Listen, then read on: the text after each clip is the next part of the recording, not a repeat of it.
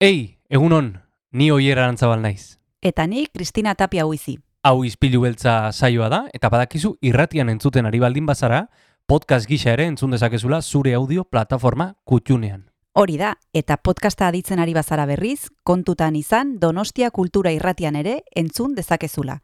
FM eundazazpi puntu lau frekuentzian. Sare sozialetan ere topatuko gaituzu noski, izpilu beltza bilatuta, Instagram, Facebook eta Twitterren. Besterik gabe, guazen gaurko saioarekin. Az gaitezen,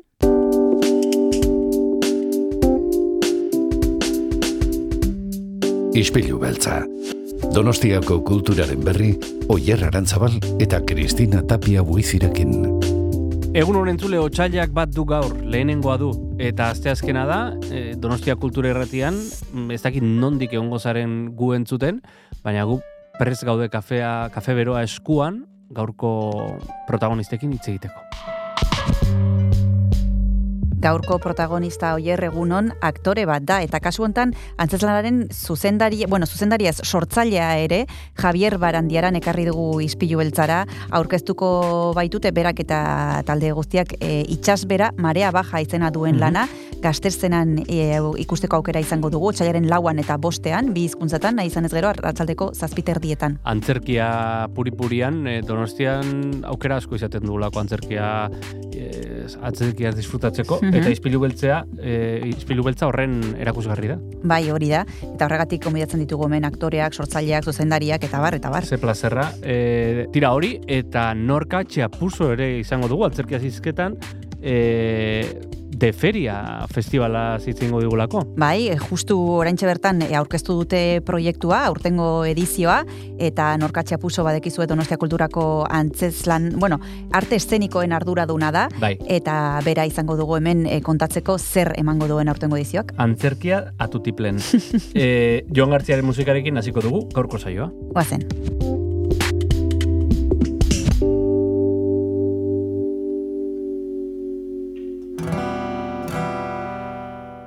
Bagoaz gaurko saioarekin entzule, baina hasi baino lehen Uger taldearen abesti bat entzungo dugu, kasu honetan akustiko eran, eta besterik gabe entzun dezagun hiltzeak izeneko kantua.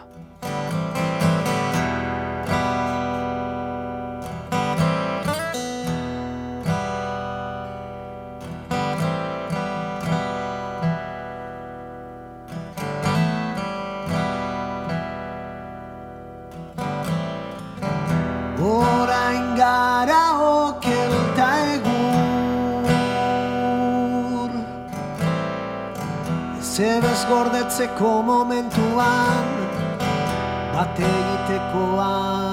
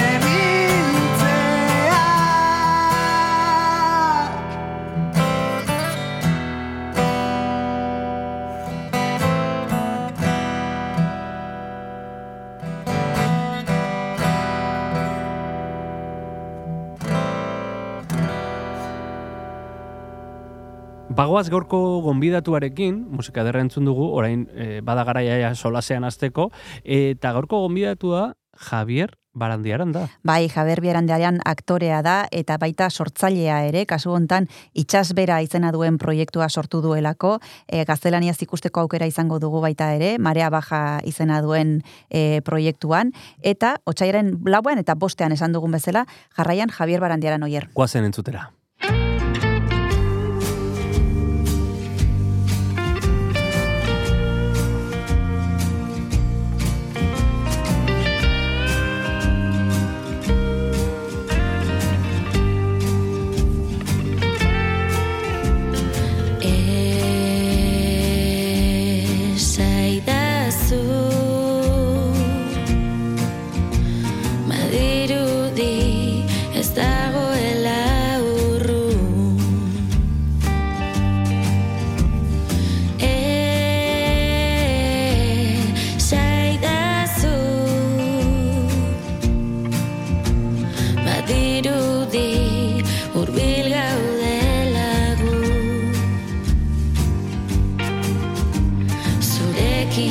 Entzuten didazun guztietan.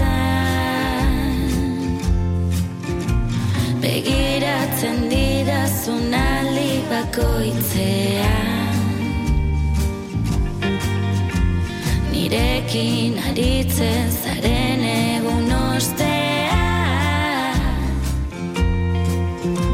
Tristura nabaritzen dut bihotzean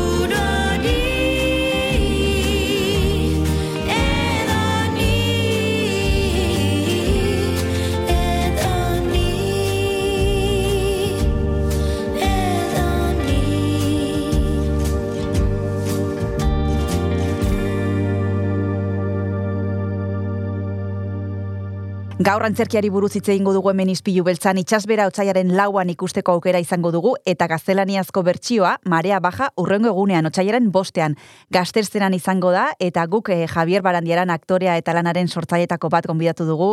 Egunon Javier, zer modu zaude? Egunon, oso ondo, eskerrik asko. Bueno, eh, aipatu behar dugu, bi hizkuntzetan ikusteko aukera izango dugula lana, itxasbera alde batetik otsaiaren lauen esan dugun bezala eta marea baja urrengo egunean otsaiaren bostean, zer kontatuko duzue bertan, eh, zeri buruz eh, da antzeslanak gehiagei kontatu gabe ere? Bai, bueno, hau eh, antzeslan abiatu zan ideia batzutatik, eh, bueno, hasierako oinarrian dagoen ideia da bi aktore, Unai eh, López de Armentia eta biok elkartzea, edu, Mhm. edu er, eh, Hernández zuze, em, bueno, produza ekoizlearen eh, ideia gu biok elkartzea eszenan, eta eta iaia ideiari gabe hasi ginen e, improvisaketak egiten eta materiala sortzen. Eta pizkanaka, pizkanaka, ba, agertuz eh, joan zen e, mundu bat o, edo giro bat. E, bakardadearena, e, utxarena, beltzarena eta isolamenduarena.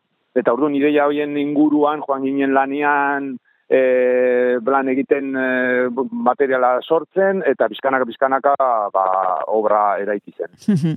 Eta prozesua esaten duzunaren arabera ez da egun batetik e, bestera sortu. E, zerbait izan duzue zaila bide hontan eginda izaizuena korapilatxua, erronkaren bat? Ez, e, egia esan nahiko, nahiko prozesu txukuna izan da. E, esan behar da alde batetik, hasi ginela pieza e, motz bat sortzen, e, gazteizen egiten den e, off lokalera e, festivalerako festivalean e, aurkezteko, eta orduan, Oin dela, pues, eh, nuiz hasi ginen, mina eta meretzian, uste, uste, uste pandemian, bain, eh, pandemian aurretik hasi ginela ja elkartzen eta eta abiatzen lana, eta orduan sortu genuen pieza txiki bat. E, ja bi pertsona isolatuen e, ingurukoa, e, eta kasu hortan ziren e, Frankenstein doktorea eta bere kreatura.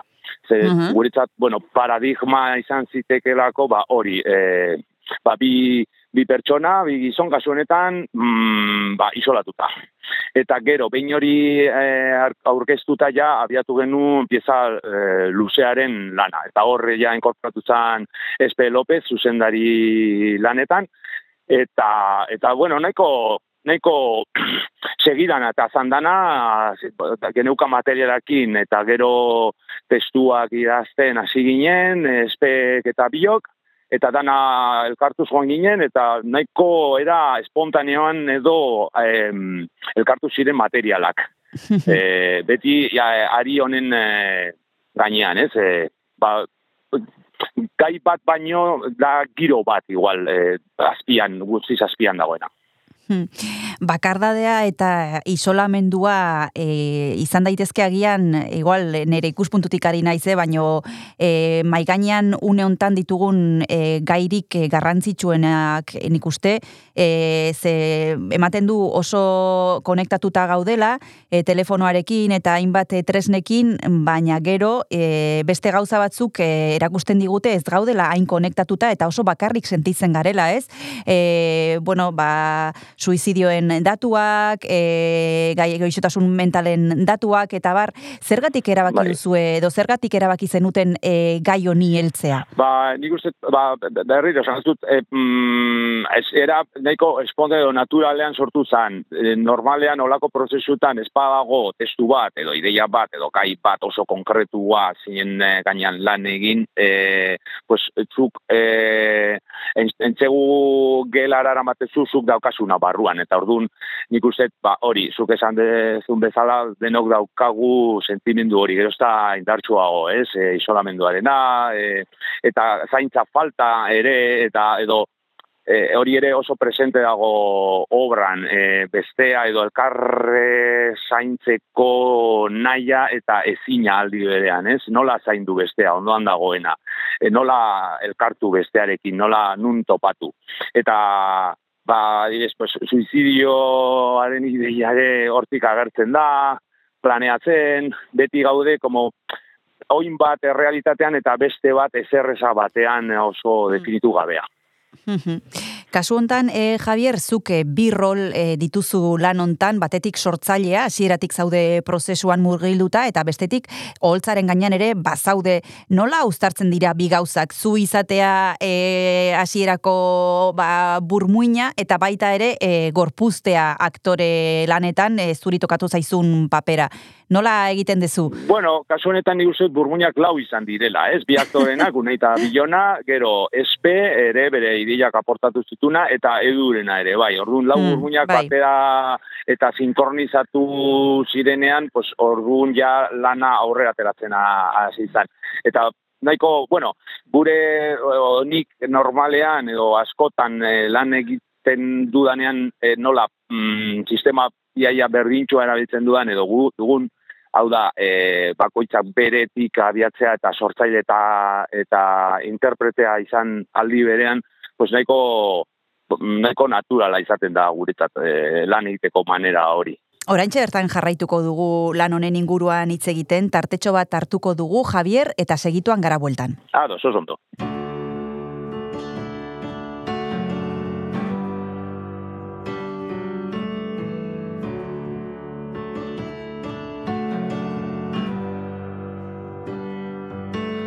Xuxurlak entzuten dira neskatuaren gelan gauez Atea ireki da aita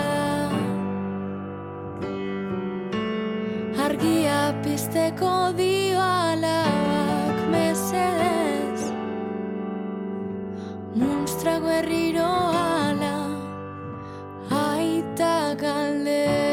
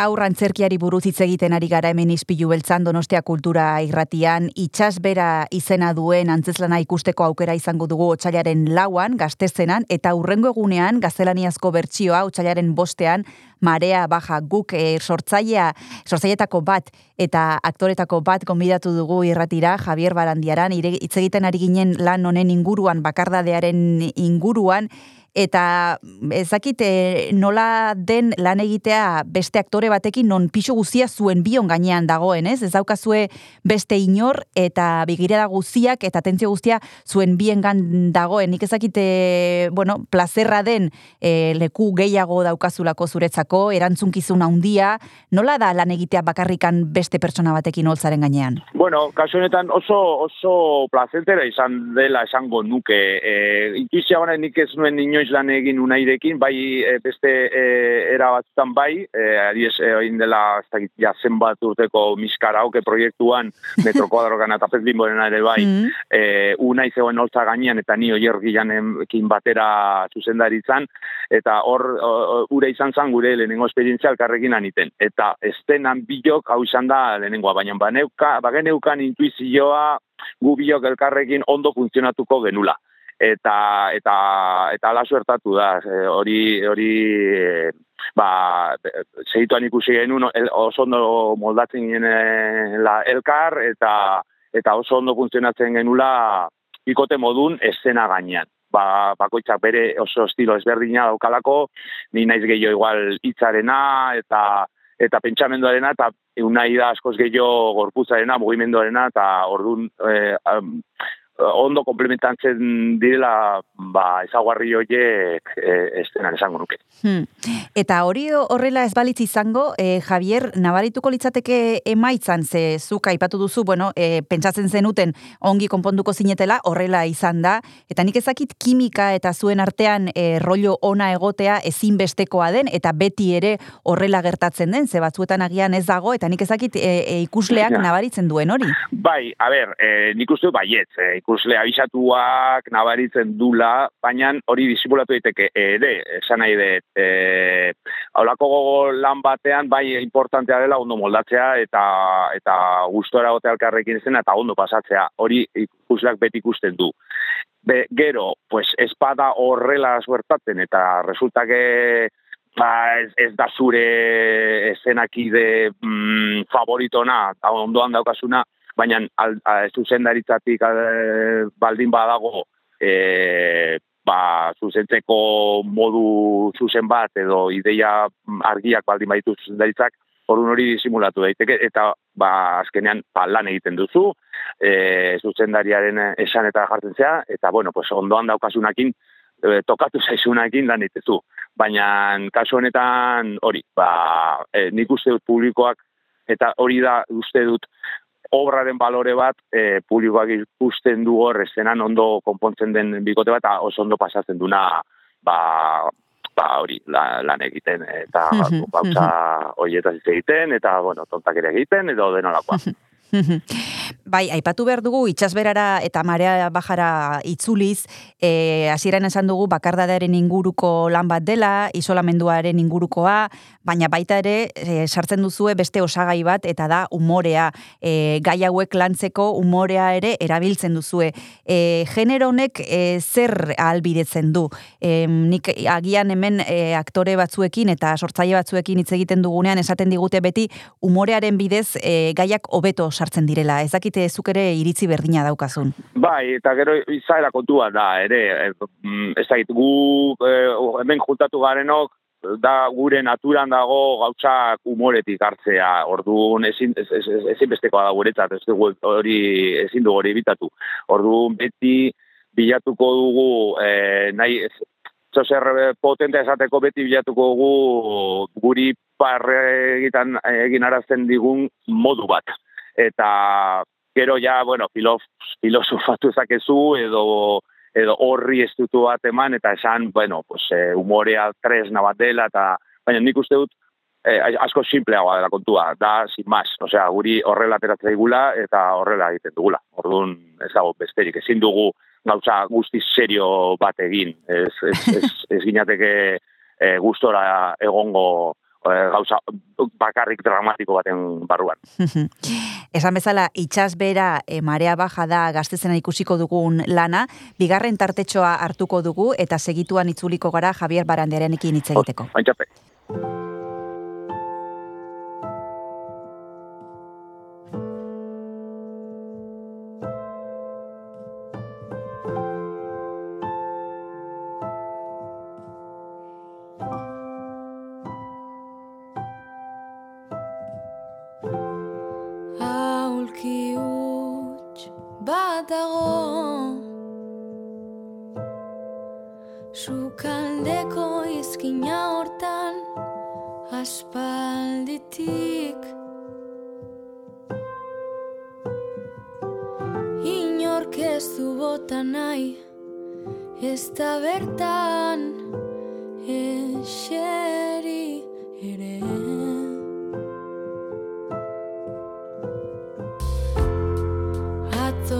sortu zen Elizako bosgarren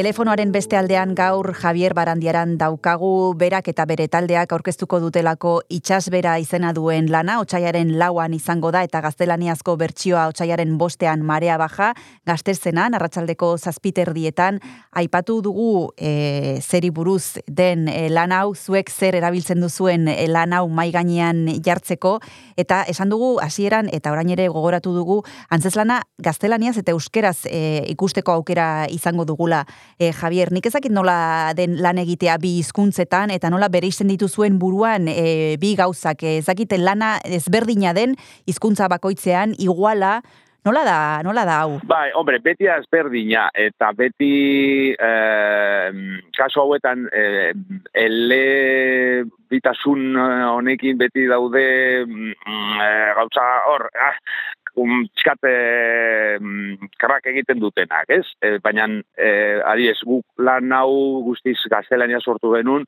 pues, eh, unai edu eta irurok eh, hasiera baten ez, osea, erdalduna garelako, elebidunak, baino Euskaldun berriak, eta gero espe ere eh, Euskaldun berri, eta orduan lana guztiz eh, findu eta lan egin genuen, gaztelaniaz, testuak ere nik eh, gaztelaniaz idazten dut, espek ere bai, eta gero ja eh, asier zara solak lagundu zigun eh, itzulpenakin, ja testu guztiz itxita geneukanean, eta horra ginen la, e, euskarazko bertsioa lantzen. Eta hor beti sortzen dira zalantzak, beti esatezu, bet, ni, be- erdaldun, oza, e, nire ama hizkuntza e, gaztelania izan da, ni beti e, dakat beldur hori, ba, igual e, euskeraz ez da berdina izango, okerrago ez da bertsio originala, eta, bueno, pues, horre ikusi guzti horiek. Gero, egia da, oso gustora gatu ginen euskarazko bertsioarekin, Iaia, estrenaldi egunetan, e, gazteizen nintzinak e, urrilan, iaia, gustora goratu ginen euskarazko bertsioarekin, bestearekin baino gure harridurako. Orduan, bueno, alde horretik ni posik gatu nintzen ze, bueno, pues, e, ez dakit, gozatu alizatea ere beste bertsioarekin hori oso ondo dago, eta orduan ni alde horretik hori, pues, e, igual, igual da, da biziko aldian gertatzai dela, e, hori, ez? E, ez eukitzea erreskemor edo rezelo hori euskarazko bertsioarekin. Dela bizkat, e, e, ba, urrekusi bat, besterik ez, da orduan.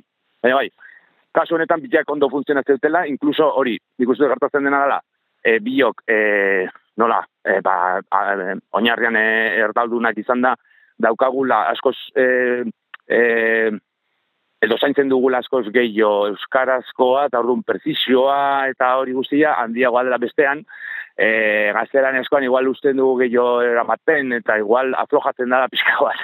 Hmm, Orduan, hmm. eh, euskarazko horretan irabazten du pixkat.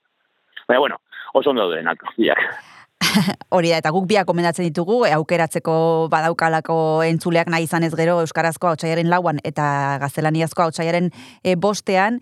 Aipatu duzu publikoak e, ongi hartu ditula biak. Nola izan da orain arte proposatu duzuen lanaren e, harrera? E, Javier, e, gustatu eginda, zer esaten dizue jendeak e, bukatzen denean emanaldia? Bueno, eh, bai, oza, guk sensazio oso honekin eh, egin, ditugu, egin ditugun emanaldi gutxi, eh, ba, sensazio honekin bukatu ditugu. Eta bai, jendeak, mm, nik uste gehien iristen zaiena jendeari dela, ba, hori, gure daukagun energia hori, bikote modun. Eta orduan horretaz baliatuta nik uste lortzen dugula publikoari, edo publikoa sarrarazten gure rolloan eta hori eh, nik uste hori dela geratzen den sensazio na, nagusina, ez, eh, publikoarengan eh, eh, barruan egotearena eta gurekin eta eta batez ere hori, ba gu ondo ikuste, eh, ondo pasatzen ikustea hori oso beti da, oso plazentera eta publikoarentzat, eh, osin publikoarentzat beti, beti funtzionatzen du. Hmm. Noski gustagarria da publikoak ongi hartzea zure proposamen bat eta nik ezakit horrek asko eragiten duen zuen eh, lanetan e, egiten ari zareten lanean eta gero gerokoetan e, kontuan hartzen duzu ze gustatu den zer ez den gustatu edo zuek sortzen duzuenean zerbait ari zarete batez ere zuen buruentzat lan egiten eta gero ba gero gerokoak ezakit kontuan hartzen duzuen edo asko eragiten duen e, publikoaren jarrerak. Bai, Bueno, hau da betiko galdera, ez? E, publikoa kontutan hartzen duzu sortzeakoan edo ez? Eta nik uste dut ezin beste galdera publikoa hartzaz, zu ere publikoa, zera, ez, ez Hmm, gara e, arraza ezberdin bat aktoreo edo sortza, gu ere e, herria gara, e, jendea gara. Orduan, e, guri gustatzen zaiguna, guri ondo pasarazten diguna, ba, seguramente publikoaren proportzio handi batei edo proportzio batei behintzat e, ere e, ba, ondo pasaretuko dio. Gero betiko kontua, olako propuesta pixkat igual ezberdinak edo ezain narratiboak edo ezain klasikoak, pues beti daude, beti publikoa nola bait neurri baten behintzat beti erdibitu iten da. Eta daude, pues, igual sartzen ez direnak eta ez duten ulertzen edo, edo bueno, ez dela beren rolua, geratzen dena kanpoa, kanpoan eta gero beste parte bat pues, pues igual olako rolloak eh, hobeto datuzkienak eta eta eta guzti sartzen direnak. Hori beti horrela da. Baina, bueno, teatro klasikoarekin edo teatro narratiboarekin e- berdin gertatzen da.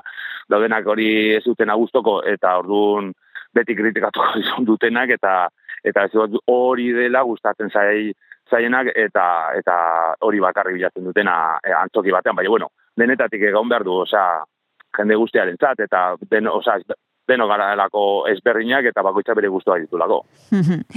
Eta negatiboak ere kontuan hartzen dituzue, norbaitek e, zerbait txarra esaten duenean e, lan baten inguruan, e, bai izan daiteke publikoa edo kritika kasu batzuetan, horrek ere eragina izaten du edo saiatzen zarete e, ba, kasu handirik ez egiten. Bueno, hori depende, ba, kasu honetan oraindik ez, ez zaigu olako Bai. zer, zer dramatikorik gertatu, baina bai, bez, eh, gure karrera bai, ez, eh, noski gertatu zen segula hori, eta depende, segun eh, nola, nundik eta noraino doan, nundik datorren eta noraino doan kritika hori.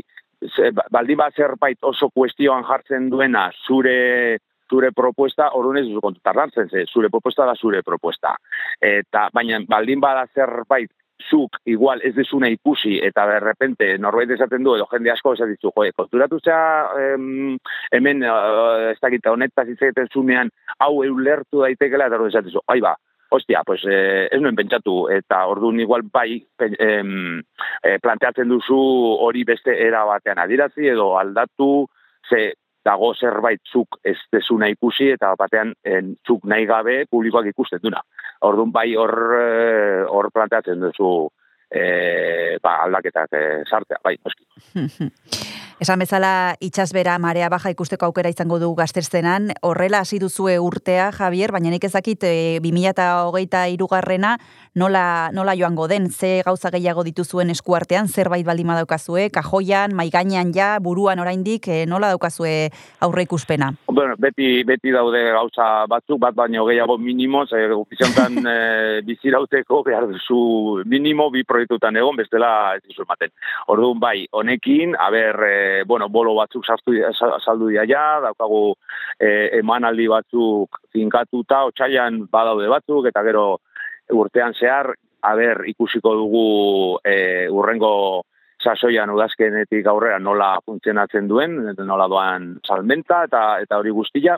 Taldi berean gaude ere e, jiran e, metro kuadrokaren beste produzio e, beste produzio batekin zeo zertan dabil baina ez dakit zertan, e, aben, e, azaroan estrenatu guen azpeitin, jardunalditan, eta eta hori igual pixkate zabaltze gutxio izaten ari da, ze produzio pixkate igual mm, txikiagoa den eta ez da sartu adibidez e, zera, sarean e, katalogoan, orduan ari gara izaten igual pixkat zailtasun gehiago hori e, e, salteko. Baina, bueno, esperantza daukagu ere, orain, nola azauran estrenatu den, pues igual datorren e, udazkenean pixkat animat, animatzea gauza. Eta gero, aldi berean, orain bertan ari zarrapatzen hauzu maulen, gaudelako Baionako konpainia batekin formatu txikiko beste antzeslan bat prestatzen e, ostiralean hemen estrenatuko duguna. bueno, guk eh, Donostiako eta Donostialdeko entzulei esan behar dieguna itxas bera eh, edo marea baja nahi izan ez gero ikusteko aukera daukatela otxaiaren lauan edo bostean, eh, pez linbok ekarriko duen eh, lana gazterzenara. Eskerrik asko Jaber Barandiaran Donostia Kultura irratira hurbiltzeagatik eta hurrengo arte bezarka bat eskerrik asko. Ba, zui, harretagatik. Mila esker.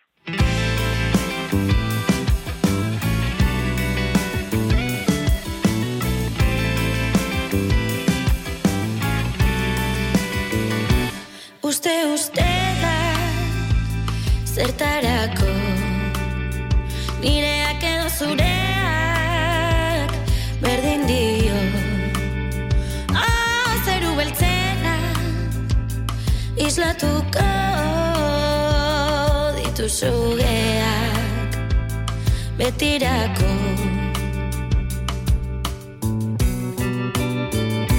Bide xumeak Beti erakutsiko Digu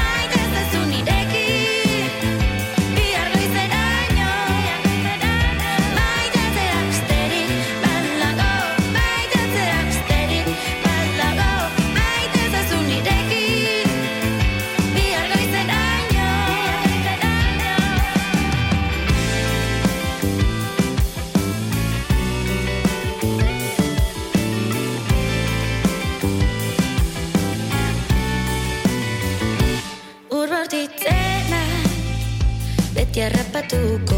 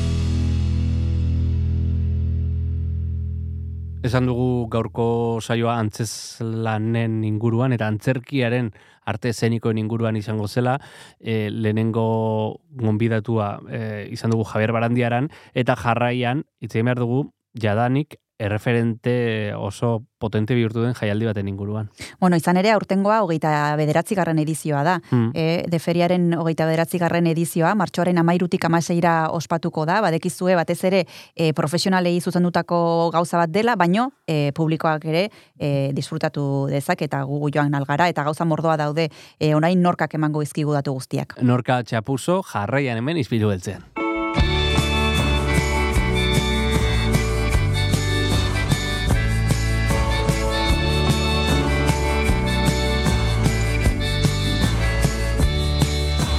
Banabil iparrean, banabil hegoan, batean naiz erean, bestea gogoan. Inork ez dit galdetu, mugan oraingoan, nondikan heldu naizen, edo noranoan, ibili naiz munduan, ene kantu maitez eta txalotu naute mira eder batez. Doatzu sentitu naiz nintzena izaitez eta ene herria aingora ikustez.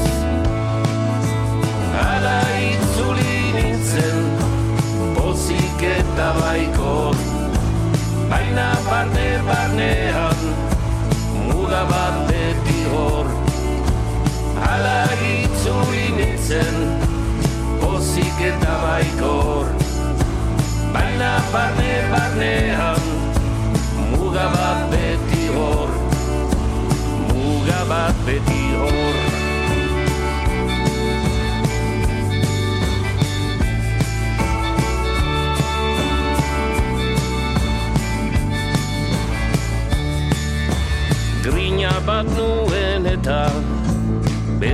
Betea dutena Agian ez osoki, agian gehiena.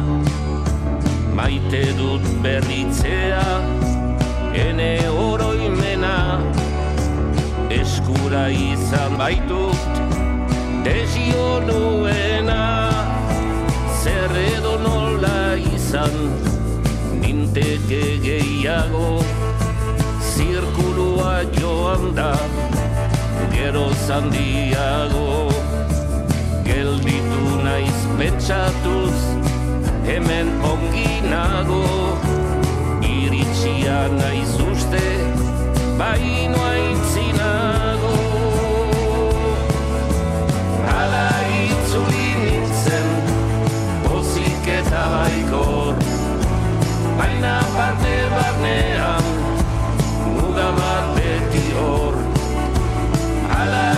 itzuli nintzen Pozik eta baikor.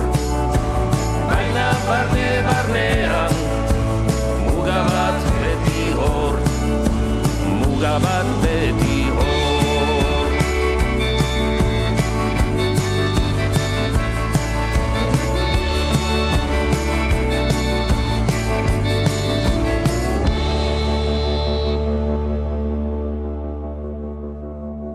Udaberriarekin batera dator de feria donostiara, martxoaren amairutik amaseira disfrutatzeko aukera izango dugu, eta guk gaur Donostia Kultura irratira, Donostia Kultura arte eszenikoen arduraduna gonbiatu dugu, Norka Txapuso, egunon zer modu zaude? Egunon, ondo, ondo, hementxe.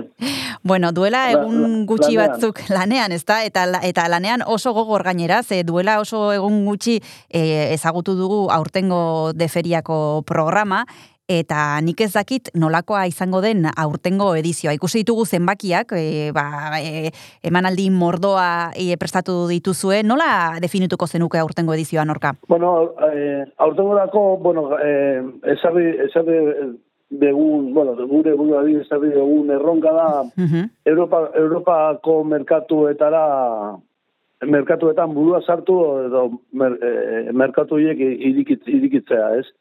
Orduan eh, horretarako, bueno, esfortzu handiak egingo ditugu. Eta programazioa bera, horretaz ere pentsatuz eh, diseinatu egin dugu, ez? Aipatu nahiko nuke baita ere, e, norka zein den aurtengo gaia. E, urtero aukeratzen duzue, bueno, gai bat, eta aurtengoa e, zein da, eta zergatik aukeratu duzue. Bueno, ba, e, beti urtero leitmotiv bat e, sartzen dugu pizkat e, jolatzearen eta re- erreflexioak e, modu batean edo bestean egi- egiteko asmoz, ez? Aurten fake, bueno, e, aski esango nahi direlako eta e, edozin tokietan ager daitezkenak, eta, bueno, batez ere metafora ba- ba- e, bat e, eginez, ba, de feria, justu leitmotiv horren kontrakoa da, zeren, bueno, hor e, e, dagoena benetako e, egia, egia borobila da, ez? Orduan, hor- hor- horrekin jolastu, jolastu nahi, nahi genuen. bueno, artengo gaia esan bezala fake izango da, teknologia berrien erabilera, e, erabilera masiboak, blockchaina, eta bueno, e, espiritu kritikoa ere bultzatzeko aukera ematen digu e, deferiak eta antzerkiak e, noski, eta arte eszenikoak oroar ere bai, aipatu behar ditugu zenbaki batzuk, eta zenbakiak e, bueno, e, oso potoloak dira, hogeita zortzi konpainia izango ditugu, hogeita zortzi ikuskizun, berrogeita lau emanaldi, e, asko estrenaldeak izango dira, modu batera edo bestera, e, bueno, ezakit e, ikusita ze bi e, aurreko edizio izan ditugun, hau esan dezakegun orka, e, ja datorrela bete-betean, e, bueno, normal, ez? Pandemia, pandemia baino lehen izaten ziren deferiak bezala izango da. Bai, bai, bai, bai, hori, hori bai, ja eh, pandemia modu batean aztuta, dena dela pandemia urte, urte beltzoietan ere murgildurik eh, de feria hor burua, burua atera, eh, atera zuen, eta Bai. gogoratuko dizutenez, bueno, e, emanaldirik ez, ez genuen bertan bera, osea, ediziorik eh, ez, ez, da, ez da ediziorik bertan bera utzi ez. Orduan, bueno, beti be, eh, pandemiarekin hori gara kirikolo, baina azkenean aurre, aurrera jo genuen, ez? Eta, bueno, a- eh, zenbakiak, zenbakiak eh, ba, pitin bat antzekoak dira, zen lau egunero horietan, ba, bueno, atope gaude eta hor eh, asko mugitzeko ez dago. Orduan beti mu- mugitzen gara zenbaki hauetan, gertatzen da azkeneko urteotan ere aurre de feria bat eh, antolatu dugu, larun bat eta aurreko larun bat eta igandean, e, publikoari opariak egiteko eta ba, giroa ere berotzen azteko eta horrela, ez? Esan behar dugu, Norka, aurten e, e, Kuba, Italia, Belgika, Alemania edo Costa Ricatik etorriko direla konpainia batzuk, eta nik ezakit e, zerbait edo zenbait lan, e, nik badakit hori kostatzen zaizuela asko zuei, programatzaileei, baino e, programa pixka bat errepasatzen badugu zuk e, zein, lain, zein, zein lan azpimarratuko zenituzke Norka. Ba, bueno, pen- pentsatuz do, do, donesteko hiritarren edo eta antzerkitaz dantza sale sale saletaz pentsatuz, ba bueno, begira, e, aurre de ferian Pepinton etorriko da e, Flandesetik oso konpainia e, dantza garaikeko konpainia entzule handikoa de, de ferianetara Tokiotik etorriko dira, gero Londresera dijoaz, mundu guzti, e, munduko e, estenatoki guztietan e, da bilen konpainia bat, e, hiperrealismo lantzen duena oso gauza berezia izango da, larun bat eta igandean, osea, amaika eta amabian, e, martxoan amaika eta amabian e, Vitorio Eugenian zokian. Hortik aurrera, ba, e, Vitorio Eugenian Morfeo izango dugu, zu, e, lan surrealista bat, Jarin, Kukai Dantza eta Mm. e, John Maia eta Andres Marina arteko elkarrizketa hori, Euskal Dantza eta Flamenkoaren ar- arteko elkarrizketa. Teatro Corsario, Celestina Infernal, titere, elduntzako titereak e, oso ikus, ikusgarriak eta e, e, isola izango den ikuskizuna. Eta amaitzeko Vitorio Eugenian adibidez, krisidiz, zirko, zir, zir, Alemaniako zirko bat e, jarriko dugu, e, be, e, akrobazia bere- bereziak egingo dituen e, ikuski, ikusko ditu, di, di, ik- ikusgai izango diren iku- ikuskizun batean, ez? Hori, a- adibide gisa. Bai, e, aukera zabala da, esan bezala hogeita zortzi ikuskizun ikusteko aukera eta disfrutatzeko aukera izango dugu, berrogeita lau emanaldi izango dira, eta aipatu behar dugu, e, sarrerak sailgai daudela jada, eta, bueno, eta batzuk, e, kasu batzuetan, e, bueno, e, oso azkar saldu direla sarrera batzuk, lan batzuetarako, ez da, hori zoriontzekoa da. Ba, bai, bai, e, ba, bueno, e, pentsatzen modu batean, e, ja publikoa eta e, sale- saleak e, deferiaren zain daudela, eta, bueno, e, aurkezten dugun momentutik aurrera ja, ba, bueno, azte, azten dira sarrera mugitzen, gainera oso presionean, eta epeka badakizu, epeka saltzen degula, Mhm. eta, bueno, e, haze, lehen, lehen bailen erosi ezkero asko oso, oso presionean e, erostegi badago, ez? Mhm. Esan bezala, norka txapuso dugu Donostia Kulturako arte eszenikoen arduraduna eta deferiaren arduraduna noski, baino deferiatik gain Donostiak eh, eskaintza zabala du eta nik ezakit eh, nola izango den urtea eh, norka uda barne Donostian arte eszenikoi dagokionez deferiaz gain eh, bueno, eh, programa eh, zabala eta anitza ikusiko dugu aurten ere? Ah, bai, bueno, bueno, eh, ja, eh, bueno, ari, eh, ura erditzita daukagu, hor, eh, hor ere, bueno, ba, badakizue eun, eun emanaldi baino gehiago izango direla udan zehar, eta horrela, eh, oi, tradizio, tradizioa betez, eta, bueno, bai, gauza, ba, eh, nire ustez bitxiak az- azalduko dira udan ere bai, eh, ekaina, ekaina arte programazioa itxita daukagu, bueno, ja, eh, Ia, ia, bueno, gu beti bi, bi, bizi, gure bizitza dago ia, ia urte, urte bat aurrera dago, ez? Guari, orain ari, ari gara pen- pentsatu ja urriko programaziotik aurrera, eta batzutan daukaguna, ba, bueno, ja, guretzako iragana da, ez? Oso, oso berezi izaten da, ba, zeren batzutan ez dauka, ez dakigun nun, nun gauden, ez? Bueno, Baina, orain, bueno, hori horrela da. Hor, esan bezala, e, iaia udar arte eta uda ere bai e, erdi itxita dago, baina orain guk eskuartean daukaguna da, e, ba, hogeita bederatzi garren arte eszenikoen feria, de feria, martxoaren amairutik amaseir arte ospatuko dena, eta esan behar dugu, e, norbaitek e, sarrera nahi baditu, ba, azkar e, ibil, ibili beharko du, donostiakultura.eusen dauka informazio guzia, bai programa eta bai sarrerak erosteko aukera. Eskerrik asko, norka txapuso izpilora bel, izpilu beltzara urbiltzeagatik, eta bezarka bat urrengor arte. Bale, ba, eskerrak zuei. Agur. Agur, agur.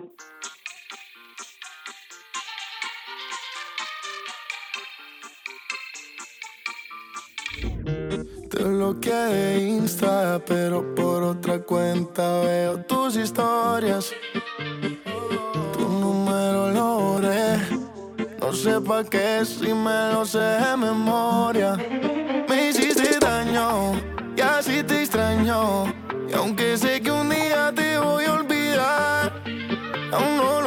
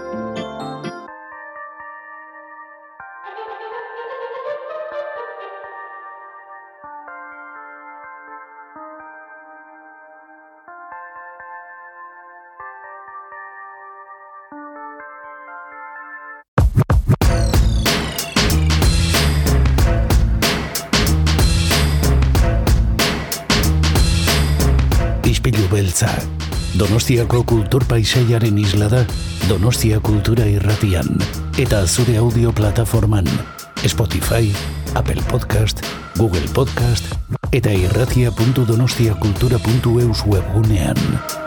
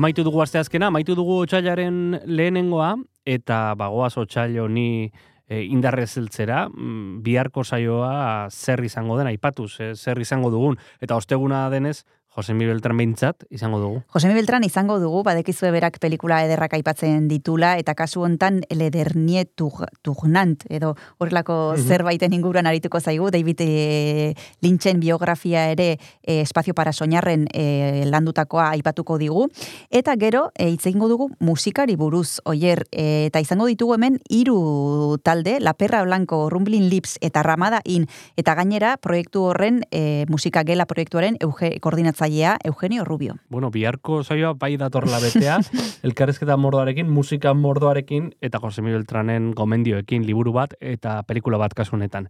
Baina hori bihar izango da, Donostia Kultura Irratian FM eundazazpi.lau frekuentzian, goizeko sortziretatik aurrera, e, eguerdian eta gauean errepikatuta, eta audio plataformetan ere bai, izpilu beltza, Donostia eta ingurutako kultura, zure etxera sartzeko modua. Agur?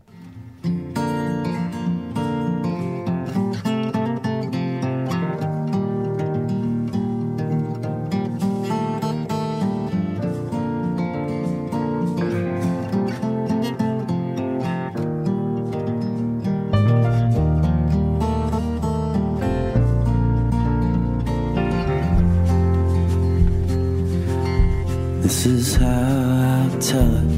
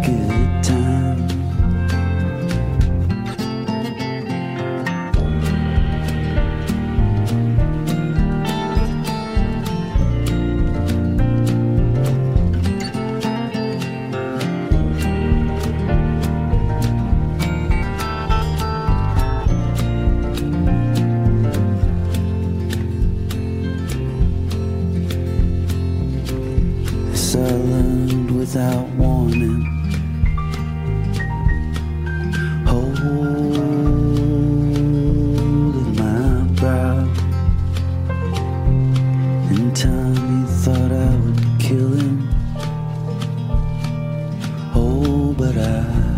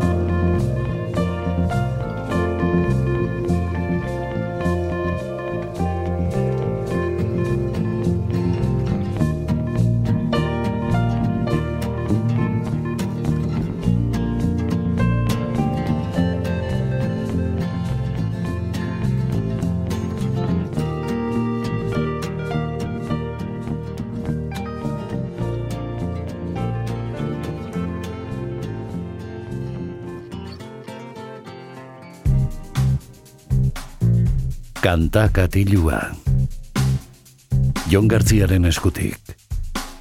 Kaixo entzule ongi etorri kantakatiura iritsi gara izpi beltza agurtzeko unera e, eta badakizuen musikaz egiten dugula egunero egunero hemen Donostia Kultura Irratian e, gaurkoan Orbel taldea ezagutuko dugu 2015ean sortutako talde baionarra da eta haien azken disko honetan post-rocka jorratu dute, post-rock ilun eta oso interesgarri bat.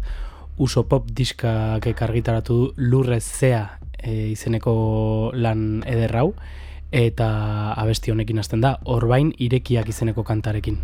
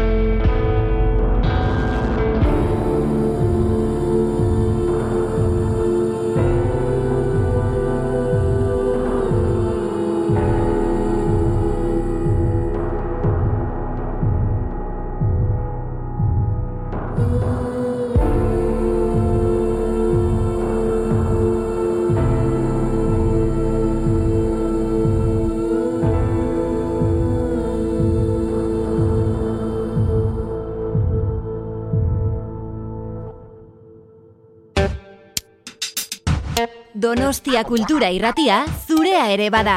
Zatoz eta parte hartu.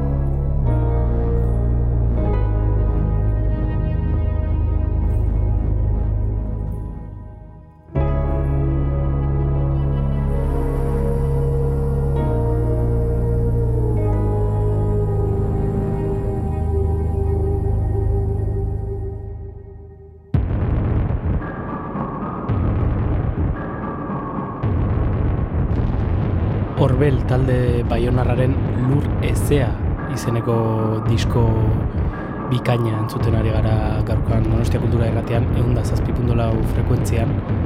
Lur ezea izeneko disko hau frantziak grabatu izan da. Eta tira uso pop e, diskoak izeneko zigiluak kaleratu du. Horan txentzun dugu nabestia izan da irentxi izenekoa.